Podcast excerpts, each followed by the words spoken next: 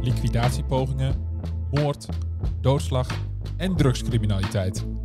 Ook in Twente gebeuren zaken die het daglicht niet kunnen verdragen. In de Tubantia Crime Podcast bespreek ik, Frank Bussink, samen met misdaadverslaggevers Erwin Waanders en Maarten Schoon de ontwikkelingen in de Twentse onderwereld. Welkom bij weer een nieuwe aflevering van de Tubantia Crime Podcast. Mijn naam is Frank Bussink en ik zit hier met de misdaadverslaggevers van Tubantia, Erwin Waanders en Maarten Schoon.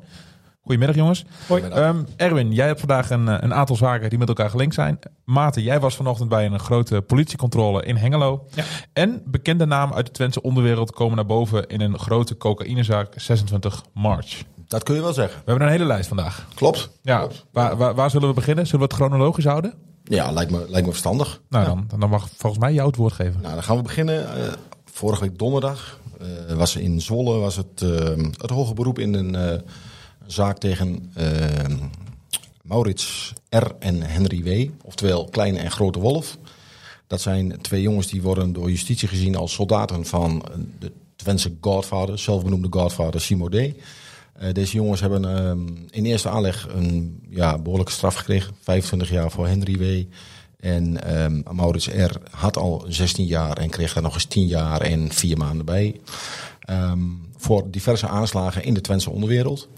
En eh, ja, in het hoge beroep eh, heeft het Openbaar Ministerie eigenlijk ge- gezegd van ja, allemaal leuk en aardig. Er zijn nog meer verklaringen eh, tegen jullie eigenlijk eh, gedaan. Dat eh, ja, de straf voor Henry eh, eh, 25 jaar zou moeten blijven. En voor Maurits eh, R. zou dat zelfs nog iets zwaarder worden. Want hij is in hoger beroep voor een eerdere zaak. ehm, ja, is hij lichter gestraft in plaats van 16 jaar, 12 jaar. Sorry voor het gegoochel met cijfers, maar goed. Ehm, en nu in hoger beroep heeft het Openbaar Ministerie 14,5 jaar geëist voor zijn rol bij diverse aanslagen in de Twentse onderwereld. Mhm, ja. En vanaf daar gaan we verder in een andere zaak. Want het zit eigenlijk allemaal een beetje door elkaar ge- gewoven eigenlijk, hè? Ja, nou ja, je zei al van diverse namen komen, komen terug in, in allerlei onderzoeken. Nou, dat, eh, dat blijkt ook wel, want eh, we moeten eigenlijk helemaal terug eh, naar 2016. December 2016 wordt er aan de Oudkamp landen in een woning een granaat gegooid. Ehm, die granaat ontploft. Wonder boven wonder is er niemand gewond geraakt dan wel overleden bij die aanslag. Alleen in de woning, het was een woning die op dat moment op naam stond van Michel B., een bekende Enschede's crimineel verbonden aan Satudara destijds. En in die woning verbleef ook Mitchell van H. en Laurens S. Ook prominente leden van Satudara. Ehm, ja, de politie is er eigenlijk nooit in geslaagd om, eh, om daar duidelijkheid in te krijgen van eh, wie, wie zou daar verantwoordelijk voor zijn voor die aanslag. Tot. Tot onlangs, eh, wat schetst onze verbazing, en dan moet ik eerlijk zeggen, ehm, de collega's van RTV Oost hebben dat eh, naar buiten gebracht, ehm, dat in februari is Anouar Bel M aangehouden. En deze Anouar Bel M, die wordt verdacht van het gooien van die handgranaat. Was hij al een bekend figuur in die eh, onderwereld? Jazeker, hij kwam ook al voor in allerlei onderzoeken eh, richting ehm, ja, Simo D. en, eh en Marcus T. En hij wordt gezien ja, als de man die dus uiteindelijk die, die handgranaat zou hebben gegooid. Mhm, ja. En hij stond eh, deze week eh, voor de eerste keer voor de rechter in, proforma, eh, in een proforma zitting. Hij was er zelf niet bij, zijn advocaat wel. Ehm, maar daar kwam eigenlijk niet zo heel veel uit. Dat, dat, ja, er wordt gewoon gekeken van wanneer gaat het verder? Wanneer kunnen ze het inhoudelijk gaan behandelen? Maar goed, er zullen eerst nog wat verklaringen moeten worden afgelegd. Waaronder van Marcus T. Inmiddels veroordeeld voor eh, ja, het opdrachtgeven tot en het deel uitmaken van een criminele, criminele organisatie samen met Simo D. En hij zal eh, binnen afzienbare tijd door de rechtercommissaris eh, worden gehoord als getuige in, in, het, ja, in de zaak rondom de, de granaataanslag. Mhm. Weten we wat voor een ehm, bewijzen of bewijslast het OM heeft tegen Nee. de granaat gooien? Nee, er zijn eh, allerlei eh, ja, verhalen die eronder doen dat ehm, ja, er zou ooit een keer een, een soort rechtbankje zijn geweest van Satudara, waar eh, bepaalde lieden ter verantwoording werden geroepen over dreigementen eh, tussen Satudara enerzijds en een, criminele groepering uit het westen van het land anderzijds. Ehm, de- eh, deze Anouar zou daar ook bij betrokken zijn geweest. Die zou op die bewuste avond ehm, ter verantwoording zijn geroepen. Zijn telefoon is afgenomen. En blijkbaar zou in die telefoon zo iets hebben gestaan over aanslagen. Waar, waar zou er geschoten moeten worden? Het vervelende voor het Openbaar Ministerie is, die telefoon is nooit gevonden.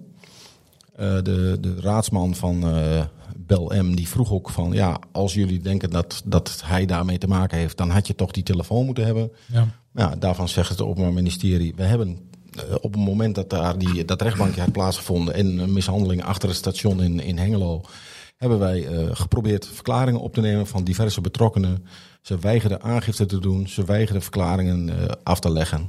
En ja, zegt de officier van justitie Karel de Valk, dan is er voor ons geen opsporingsindicatie en houdt het voor ons op. Mhm. Dus dat wordt nog even spannend wat ze gaan doen in, uh, in hoger beroep. Of, ja, of die telefoon ooit boven water komt. Wie zal het zeggen? Uh, bronnen in het criminele milieu zeggen dat de telefoon nog steeds in leven is, zoals dat zo mooi heet. Dus mhm. dat hij nog ergens uh, zou moeten zijn. Ja. Maar het klinkt niet, voor mij als leek, het klinkt niet als een hele sterke zaak van het OM op dit moment. Nou ja, goed. Uh, ik denk dat het OM niet uh, alle kaarten nu al op tafel heeft gelegd. Um, kijk, als je zes jaar, ruim zes jaar na dato iemand toch naar binnen haalt, om het even populair te zeggen, dan denk ik dat je redelijk sterk in je schoenen moet staan. Ja. En dat je echt wel iets meer hebt dan alleen een telefoon en iets van horen zeggen. Ja. Ja, dat is goed. Dat, dat gaan we zien de, de, de komende weken, maanden. Hoe lang, hoe lang gaat het duren?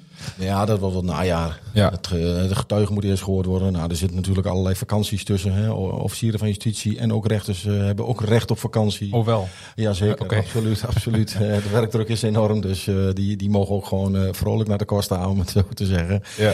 Dus nee, dat gaat nog wel even duren. Ja, ja. ja, je zegt Costa en dan denk ik direct aan water. En ik vind het een heel mooi bruggetje naar, naar, naar Hengelo naar de haven. Zo, wat een brug. ja, dat is een hele lange brug. brug Van Enschede naar Hengelo is een hele lange brug. Ga je straks ook weer een bruggetje maken naar een andere haven in Antwerpen? Nou ja, misschien wel. Oké, ja, een voorzetje hoor. Ja, precies. Nou, ik, ik, ik, ik, ga hem onthouden. We gaan eerst naar Hengelo. We gaan eerst naar Hengelo. Althans, daar zijn we geweest vanochtend. vanochtend. Jij bent daar geweest, Maarten. Ja, het was een uh, grote politiecontrole uh, in het havengebied van Hengelo. Uh, op het uh, grote parkeerterrein bij de macro daar. Dat is echt één grote asfaltvlakte. En die was ook wel nodig ook, want er stonden echt uh, best wel veel vrachtwagens werden daar naar binnen gehaald door de politiemotoren. Ze hielden daar een grote controle op milieu en afval. Ik sprak daar agent Arjan Prins van de politie team Midden, zoals het officieel heet. hij en zijn collega's die wilden graag weten wat zit er nou in die vrachtwagens? Mm het havengebied is een van de grootste, uh, ja, het was de grootste haven in Oost-Nederland. Het is nu een van de grootste industrieterreinen in uh, Oost-Nederland, zeg maar. En er gebeurt heel veel. Mm En ze controleren wel de bedrijven. En dat is door de bank genomen in orde. Uh, maar wat zit er nou in die vrachtwagens die af en aanrijden? Ja. Vooral in die afvalbranche, in die milieusector, zei Prins. Uh, ja, dat, daar is het gewoon niet altijd duidelijk. En uh, het gevaar van ondermijning is groot. Hij zei zelfs van dat, uh, ja, dat zij denken dat er in de milieusector dat er meer illegaal geld wordt verdiend dan in de drugsbranche. Ehm, dat zijn nogal uitspraken. Ja, en betekent niet dat het in Hengelo gebeurt hoor, maar gewoon hmm. zo. Um, dus dat willen ze ja, goed in kaart brengen van wat gebeurt hier nou eigenlijk? klopt de lading? kloppen de rijtijden van de chauffeurs? Um, zit, ja, zit erin wat erin moet zitten? Gaat het volgens de regels? Um, nou ja, zo, en er waren dus uh, nou, zo'n 70 medewerkers van de douane, uh, van de inspectie leefomgeving, van de politie. RDW liepen rond. Uh, ja. En er werden ook gewoon ja, burgerauto's, om maar zo te zeggen, gewone auto's werden ook binnenstebuiten gekeerd. Ja. Er stonden motoren reden op de snelweg. En er waren speciale camera's die kentekens kunnen lezen. Dus dan kunnen ze zien van, oh, die staat in het systeem. Die werden ook naar binnen gehaald. Ja. En uh, dus ook als je grote belastingsschuld had of veel boetes, dan uh, mocht je ook komen. Dus ja. Weet je wat de aanleiding is voor dit? Is het gewoon omdat er signalen zijn dat er dingen gebeuren? Of is het gewoon van we willen nu gewoon eigenlijk echt eens weten wat daar ja. binnenkomt en wat er weggaat? Ja, vooral dat laatste eigenlijk. Okay, ja. Want ze weten wel welke bedrijven er zijn natuurlijk op het bedrijventerrein. Maar wat er nou eigenlijk rondrijdt, dat wisten ze niet. Nee. En hij noemde dus de, nou ja, de vrachtwagens van de verschillende milieuorganisaties. Hè, dus van afvaltransporten van oud papier tot, tot hout, tot beton, tot gewoon afval. Um, maar er rijden ook gewoon ook vrachtwagens zonder opdruk. Of die, iedereen kent op de snelweg wel die kleine witte autootjes... waar je met een gewoon rijbewijs ook in mag rijden... met zo'n grote bak erachter. Zij wilden wel eens weten wie zit het erin en... Uh, wat zit er achterin? Weet je wel? Vaak met witte kentekenplaten uit uh, Polen, bijvoorbeeld. Ja. Ja, ja. En ik sprak ook mensen van de douane en die zeggen ook van eh, bijvoorbeeld, daar ging de actie nu niet over, maar alles wat ze konden vangen is mooi meegenomen. Eh, maar die zeiden bijvoorbeeld illegale sigaretten, dat, dat is echt eh, een hot item, zei die me- douanemedewerker. Want omdat hier de accijnzen zo hoog zijn en in Polen kost een pakje peuken 3 euro. En eh, ja, dat is gewoon echt lucratief, zegt. Mhm. Dat, dus dat, dat zien ze als douane heel veel voorbij komen. Nog los van de illegale sigarettenfabrieken die je in Nederland ook wel hebt, maar in Polen nog veel meer, zeiden ze. Ja, dat is, dat is wat zij dan zien. Dus dat is dan op de accijns. Ja. Maar dit ging eh, puur eigenlijk om de milieu. Dus dat waren grote vrachtwagencombinaties eh, die daar het terrein op kwamen. Je rook het ook. Dus dat eh Twente Milieu kwam even naar je toe deze zomer. Dus dat, ik was blij dat het nog niet zo warm was. Maar dat was een grote actie. En ik hoor later vandaag eh, wat de opbrengst is geweest. Ja, ik wilde net vragen inderdaad. Hebben ze iets gevonden, maar dat weten we dus pas eh, aan het einde Nee, van toen de dag. ik, toen ik wegging was het eh, klein bier, zeg maar. Ja. Dus eh, handtekeningen op begeleidingsbrieven. Ehm, mensen in persoon of in zo'n busje die achterin zaten wat niet had gemogen. Nou ja, dat soort dingen. Dus dat viel op zich wel mee. Bij de Ja. Belastingdienst, in de hoek van de Belastingdienst, stonden een paar auto's voor openstaande nou ja, belastingbedragen, zou ik maar zeggen. Het waren denk ik geen Fiat Pandaatjes, toch? Eh, nou, dat zal je verbazen. Oh, wel ja? Ja. Oké, ja. Het, was een, eh, het waren redelijk oude auto's. In het begin kwamen er, werden er ook ehm, dikke Duitse auto's met een eh, Duits kenteken er binnen gehaald. En er zaten dan Nederlandse mensen in. Want daar kijkt de Belastingdienst ook naar, vertelden ze mij. Ehm, maar ehm, nee, dat, eh, dat viel mee. Dus dat, Ja. was van alles wat. Ja, Dat, precies. eh, ja, dus ze hebben, ze hebben waarschijnlijk vast, vast wel iets gevonden, maar wat het dan is, dat, eh, dat horen we dan later nog. Dat horen we later. Wordt Ja. vervolgd. Kijk, heel goed. Ja. Ehm, ja, ik weet niet hoe ik dit bruggetje nu moet gaan doen, Erwin, Ja, maar... ik, ik weet hem wel. Ja? Je hebt het over eh, iets vinden. Nou, de politie was ooit ook nog hè, in de nagalm van de, de aanslag met de granaat.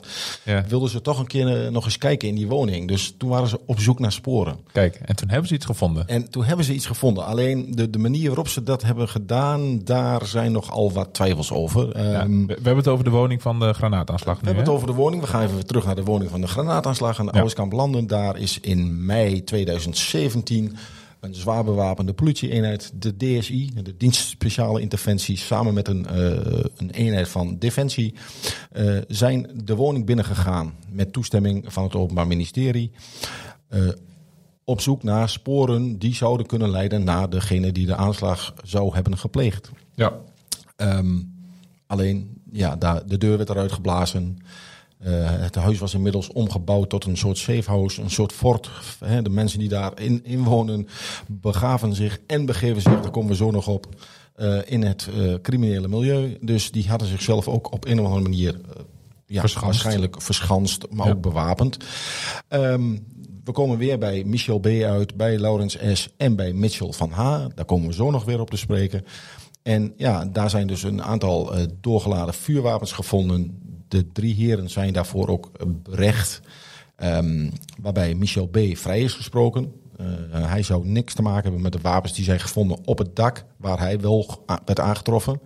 Zelf zegt hij daarover dat hij ehm, ja, dacht aan een nieuwe aanslag eh, op, op, op de woning. En dat hij dus zoiets had van ik moet naar boven, ik moet vluchten, ik moet naar, naar het dak toe. Ja. Eh, want anders kon hij mijn laatste uur wel hebben geslagen. Ehm, daar zat ook eerder iemand anders op het dak, Mitchell van H. Die is ook aangehouden. Maar later bleek dus eh, dat eh, ja, Michel B. dus eh, niets met de wapens van doen had. Althans, dat, zo lijkt het. Ehm, zijn, zijn vrienden, zeg maar, die zijn wel veroordeeld tot eh, maandenlange, eh, zes maanden, vijf maanden, even uit mijn hoofd. Ja. Ehm, die zijn wel veroordeeld en dat hoge beroep heeft dus nu gediend. Ehm, althans, de, de, een, een regiezitting daarin. Ja, en, en de advocaten van Michel B. en Laurens S., dat is Karin Blonk. En meester Heemskerk, dat is de advocaat van Mitchell van H. in deze zaak. Ja, die vegen de vloer aan met de wijze waarop het Openbaar Ministerie deze zaak is aangevlogen door met zoveel geweld naar binnen te gaan. Als jij zoekt naar sporen, dan ga je niet met zoveel geweld naar binnen, want dan zou je sporen vernietigen. Mhm. Ehm, nou ja, daar kun je van alles van vinden. Hè. Ze komen bij jou en bij mij en bij Maarten niet zomaar naar binnen. Eh, wij hebben ook geen eh, explosieven eh, in, in onze hal. En, en bij ons op dak liggen waarschijnlijk ook geen wapens. Dus Zonnepanelen, ja, niet zo. zonnepanelen, nou ja, goed, die heb ik nog niet. Maar daar kun je dus bij, een vraag bij stellen van ja, moet het met zoveel geweld? Of heeft de politie gewoon gedacht van ja, wij gaan daar naar binnen, want er zijn nieuwe strafbare feiten aan de orde. ehm, die gevaar opleveren voor de openbare orde of misschien wel voor de buurt. Ja, precies. En aanbellen was dat hebben ze eerder gedaan. Toen zijn ze ook vrolijk en vriendelijk binnengelaten. Is zelfs door eh, de toenmalige bewoner eh, Laurens eh, S. is ook gewoon koffie aangeboden aan de agenten. Eh, Maar in het hele onderzoek van de politie hebben de betrokkenen gewoon niet willen verklaren. Ze zouden Nee. het zelf wel oplossen. En nou ja, Maar we weten dus niet waarom de politie met dit geweld naar binnen is gegaan destijds. nee, dat is waarschijnlijk in eerste aanleg al wel een keer verteld. Dat zal ongetwijfeld in het hoge beroep nog een keer weer aan de orde komen. Dat ze toch ja, Bepaalde signalen bepaalde hadden. signalen hadden. Eh, Er hing een, een zweem van onveiligheid natuurlijk omheen. Er waren signalen dat er een oorlog gaande was tussen diverse groepen. Nou ja, die was ook gaande. Dat, dat is later ook gebleken. Ehm, maar goed, om ergens naar binnen te gaan, moet jij als, als politie, als recherche, moet jij toestemming hebben. En dat, dat moet dan goed beargumenteerd zijn. Ja. En het zit meer op de argumentatie van waarom ga je naar binnen? Ga je naar binnen om sporen te zoeken of ga je naar binnen om Iemand aan te houden. iemand aan te houden. Want Ja. ehm, in principe, als je iemand wil aanhouden, heb je ook toestemming nodig. Daarom is de DSI er ook bij. Alleen het, eh, ja, de, de aanvraag die gedaan is, daar stond niks in over eh, aanhouden. Dus, Nee. Maar goed, ehm, we gaan het zien. Mhm, ja. En dan, Mich- je noemde net hè, Mitchell van H. eh, en, en Michel B. Ja, Die komen we opnieuw tegen. ja die komen. eh, eh, op 3 februari was er een grote klapdag in, in, ja, in Nederland. Ehm, er zijn meer dan 70 panden doorzocht. Ja, de landelijke recherche is in ieder geval heel druk geweest. En wat blijkt dat Mitchell van H. en Michel B. voorkomen in een grootschalig drugsonderzoek dat in Zuid-Nederland speelt. Ehm, maar wel een behoorlijke vertakking heeft naar, eh, naar Enschede of naar Twente. Wa- wa- Eh, wat is dan die vertakking? die vertakking is dat eh, ja, eh, jongens uit Enschede zich ja, bezig hebben gehouden met grootschalige import van, van cocaïne uit Brazilië via de haven van Antwerpen. En Mitchell van H. die wordt gezien als de spil in die, eh, in die smokkel en de handel daarin. En hij heeft zijn eh, ja, vroegere clubmaten eh, heeft hij daarin eh, ja, Meegezogen eigenlijk. nou ja, goed, of, of die ze heeft meegezogen. Of, Of dat, dat hij is meegezogen. ja, dat, dat, dat moet nog blijken. Maar in ieder geval de, de volledige top bijna van het vroegere Satudara... die in eh, 2021, december 2021 zijn veroordeeld... zitten nu weer vast in dit onderzoek. Mhm. Dus eigenlijk ze zijn, ehm, althans zo denkt justitie... gewoon verder gegaan met eh, allerlei criminele activiteiten. En in dit geval is dat cocaïne smokkel en cocaïnehandel...